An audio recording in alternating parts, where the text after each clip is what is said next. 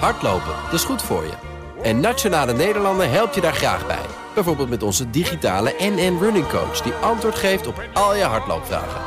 Dus, kom ook in beweging. Onze support heb je. Kijk op nn.nl slash hardlopen.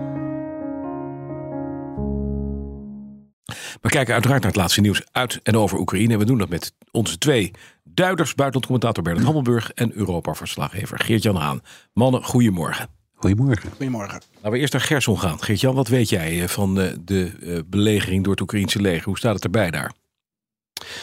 President Zelensky heeft vannacht gezegd dat er drie dorpen in Oekraïne zijn bevrijd. Uh, twee in het zuiden, in de regio Gerson. En één in het oosten, een dorp in Donetsk. Dus dat zijn op twee verschillende fronten. Ja. Uh, je hebt het dan vooral over strategische plekken. Het is je misschien, weet je, het is misschien moeilijk voor te stellen. Uh, maar Oekraïners worden toch blij van elk dorp dat weer terug is. Ook al heeft het het inwoneraantal van Renswoude. Ja. En volgens de denktank Institute for the Study of War is er sprake van een gestage opmars van Oekraïne zowel in het zuiden als het oosten. Maar we weten, Oekraïne gaat heel voorzichtig te werk, zowel in de communicatie naar buiten toe als op het slagveld. Dus eigenlijk is het een soort kat-en-muisspel dat nog even gaat duren. Ja, ik hoor Bernard brommen op de achtergrond. Bernard. Um, ja, van instemming zal ik maar Heel zeggen. goed. Want, wat, wat, is het verhaal weer goed verteld, denk ik dan? Ja, mooi hè. Ja. Mykolaiv, uh, die andere stad. Hoe is, het, hoe is het daar op dit moment, Gert-Jan? Ja, dat is een grote uh, havenstad, grote scheepswerf, ja. die eigenlijk voor een groot deel ook al aan puin is. En uh, die wordt uh, continu, continu beschoten. Datzelfde geldt voor Kharkiv in het noordoosten van de Oekraïne. Mm -hmm. En dat zijn eigenlijk grote steden waar Rusland op blijft drukken, vooral vanuit de lucht. Maar waarbij het niet zo is dat ze daar ineens dan nu op de grond bij kunnen komen. Oké, okay. eventjes naar die kerncentrale. Mannenbert, die kerncentrale in Zaporizhia die is zaterdag weer van het grid afgeschakeld. Dus die geeft geen elektra meer op het stroomnet. Nou is die atoomwaakhond, die IAEA met, met uh, inspecteurs ter plekke. Wanneer komt er een rapport van hun hand? Want, nou, ja, eventjes, uh, voor zover ik het begrijp, is het, uh, zit het zo in elkaar. Die, die centrale heeft um, zes um, centrales in dat grote gebouw. Ja, die, dus, dus er zijn zes units. Mhm. En daarvan zijn vijf al geruime tijd buiten werking. Ja. En er was er één die nog draaide. En die draait volgens mij nog steeds. Alleen Mhm. die, centraal, of die, die, die, die kernreactoren die zijn ijzer en ijzersterk. Dus dat je die met oorlogsgeweld raakt, die kans is bijna uitgesloten. Ja, mhm. Maar het zwakke punt zijn de leidingen.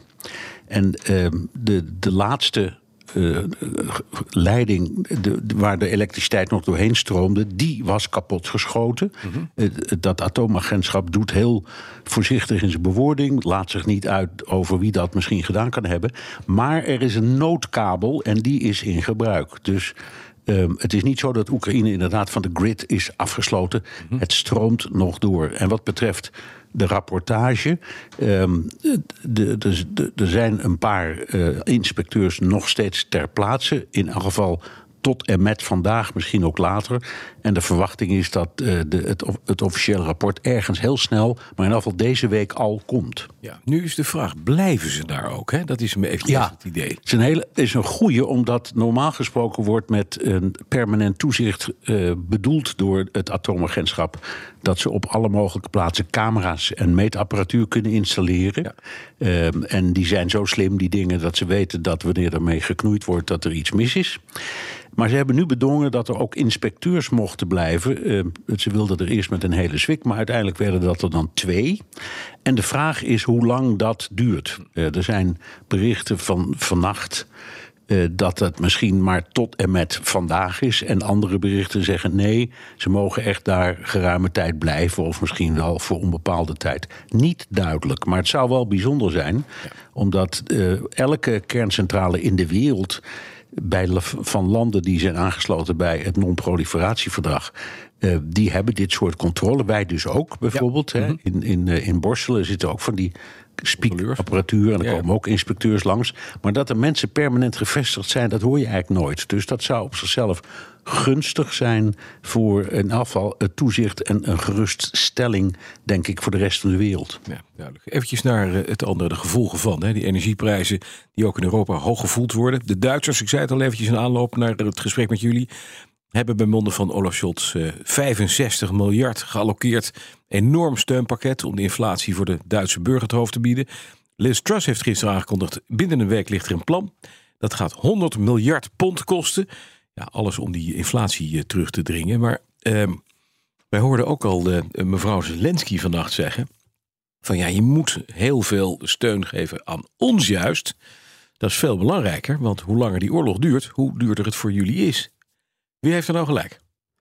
Um, ik denk eerlijk gezegd dat uh, het, het, twee verhalen zijn die niet noodzakelijkerwijze tegen mhm. elkaar gehouden kunnen worden. Nee. Natuurlijk is het zo dat die oorlog zo snel mogelijk moet aflopen.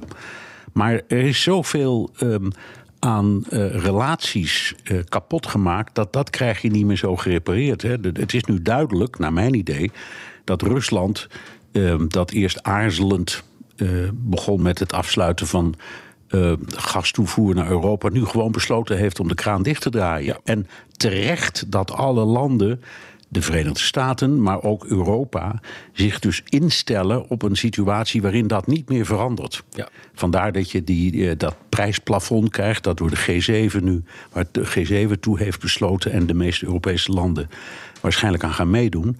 Um, en dat betekent dat je in afval je eigen burger en je eigen consument in eigen land een beetje beschermt tegen de ernstigste schade. Maar de, we leven nu in een nieuwe wereld. En die nieuwe wereld, naar mijn idee, in, is in de ogen van het Westen een wereld zonder, Euro, zonder Russisch fossiele brandstof. Precies, dat betekent dus dat die steunpakketten die er nu zijn, die een bepaalde tijdelijkheid in zich hebben, als die situatie uh, blijft bestaan, dan zou de overheid moeten blijven steunen.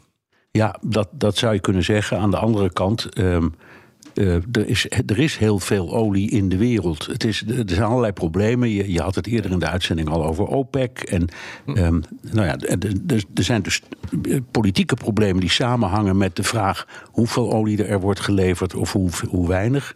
En hetzelfde geldt een beetje voor gas. Dat is er wel.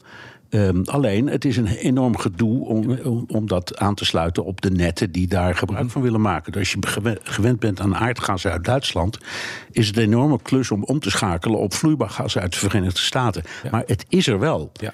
En dat duurt even, dus we zitten in een transitieperiode. En ik denk dat zolang die voortduurt. Europese landen uh, uh, ja, eventjes zullen moeten bijspijkeren voor hun eigen bevolking. Maar dat duurt niet voor eeuwig. Want het is niet zo dat er te weinig van die fossiele brandstof is. alleen vergeerd geallockeerd. Ja. ja.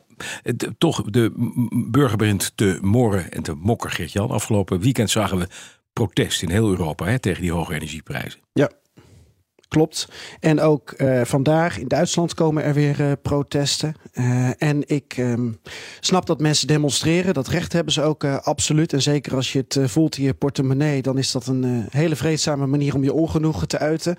Wat mij wel opviel aan de protesten is dat bijvoorbeeld de protesten in Praag en ook in Duitsland, dat die een pro-Russisch tintje hadden. De aanwezige verslaggevers van gerenommeerde persbureaus als AP en Reuters, die hebben dat ook geconstateerd. Kijk je bijvoorbeeld naar een protest in Praag met 50.000 man op de been, dan zie je dat zowel organisatoren als sprekers uh, banden hebben met Rusland.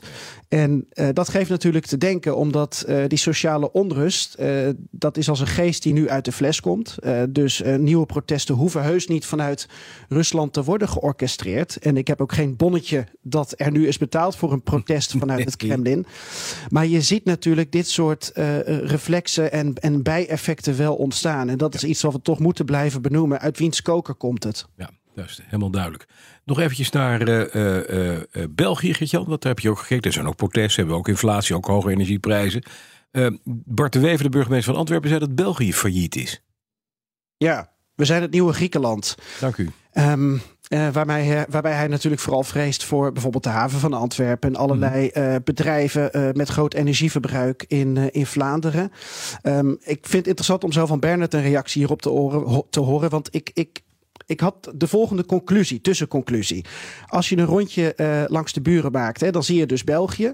Dan zie je dus uh, premier uh, Alexander de Croo, die zegt België dreigt in een echte oorlogseconomie te komen. Mm -hmm. Bart de Wever, de NVA-burgemeester van Antwerpen, die zegt zelfs België is failliet. failliet precies. Maar we hebben het over een, een liberale premier en een conservatief-liberale nationalistische burgemeester. En wat is volgens hen de oplossing? Bescherming zoeken bij Europa. Zij zeggen Europa moet helpen. De Kro is zelfs boos dat het zo lang heeft geduurd tot de Europese Commissie ging helpen. Uh, Bart de Wever zegt, uh, von der Leyen zit op het juiste spoor als ze zegt dat de niet gasgebonden energieproductie losgekoppeld moet worden van de prijs. Dan zie ik ook, Bas, vanuit Italië, Matteo Salvini, die ineens zegt uh, Europa moet komen helpen. -hmm. Ik vind het verwarrende tijden wat dat betreft. Want ik hoor onze, nou onze tussenhaakjes, de, de, de ons veelgebelde energie-expert Remco de Boer. Die hoor ik dit weekend op BNR juist zeggen. Ga nou niet te veel morrelen aan de systemen die we hebben opgebouwd. Ja. Ga je interveneren zoals von der Leyen wil. Dan dreigt een communistisch systeem. Hm. Dus samenvattend. Um, von der Leyen gaat op, op verzoek van doorgaans nationalistische, eurosceptische, liberale politici helpen door energiecommunisme in het leven te roepen. nou, Bernard. Nee, nou, nee, het, zit, het is waar. het is een hele leuke manier om, om het zo voor te stellen. Maar het zit toch net anders. De, de EU, de Europese Unie, is uiteindelijk niets anders dan de optelsom van de leden. Dus het is niet zo dat de Europese Unie met geld komt. De Europese Unie komt met geld dat van de, 27, of van de, wat, 27 lidstaten ja. is. En die, die dragen allemaal geld af aan de Unie en die kan dat dan weer verdelen. En die kan ook een groter beroep doen, maar die, die heeft geen eigen geldmachine. Uh, dus het is een beetje een cirkelredenering. Net als mensen die boos zijn op de Verenigde Naties, dat die niet ergens ingrijpen. Dat hoor je ook zo vaak. Terwijl de VN is ook niets anders dan de optelsom van de leden. Dus als die wat willen, gebeurt het. En daarom vind ik het eerlijk gezegd wel een goede ontwikkeling in deze nare tijden. Dat ook sceptische uh, leiders, of, of ze nou van rechts of van links zijn, naar elkaar toe kruipen en gezamenlijk naar de EU omdat ze inzien dat we samen met de Verenigde Staten en de EU een vuist moeten maken mm -hmm. om deze energiecrisis en de daarmee samenhangende dreiging van een financiële crisis de kop in te drukken. Ja, dat is een duidelijke. Dankjewel. Buitenlandcommentator Bernard Hammerburg en Europa-verslaggever Geert-Jan Haan. Hardlopen, dat is goed voor je. En Nationale Nederlanden helpt je daar graag bij. Bijvoorbeeld met onze digitale NN Running Coach... die antwoord geeft op al je hardloopvragen. Dus, kom ook in beweging. Onze support heb je. Kijk op nm.nl slash hardlopen.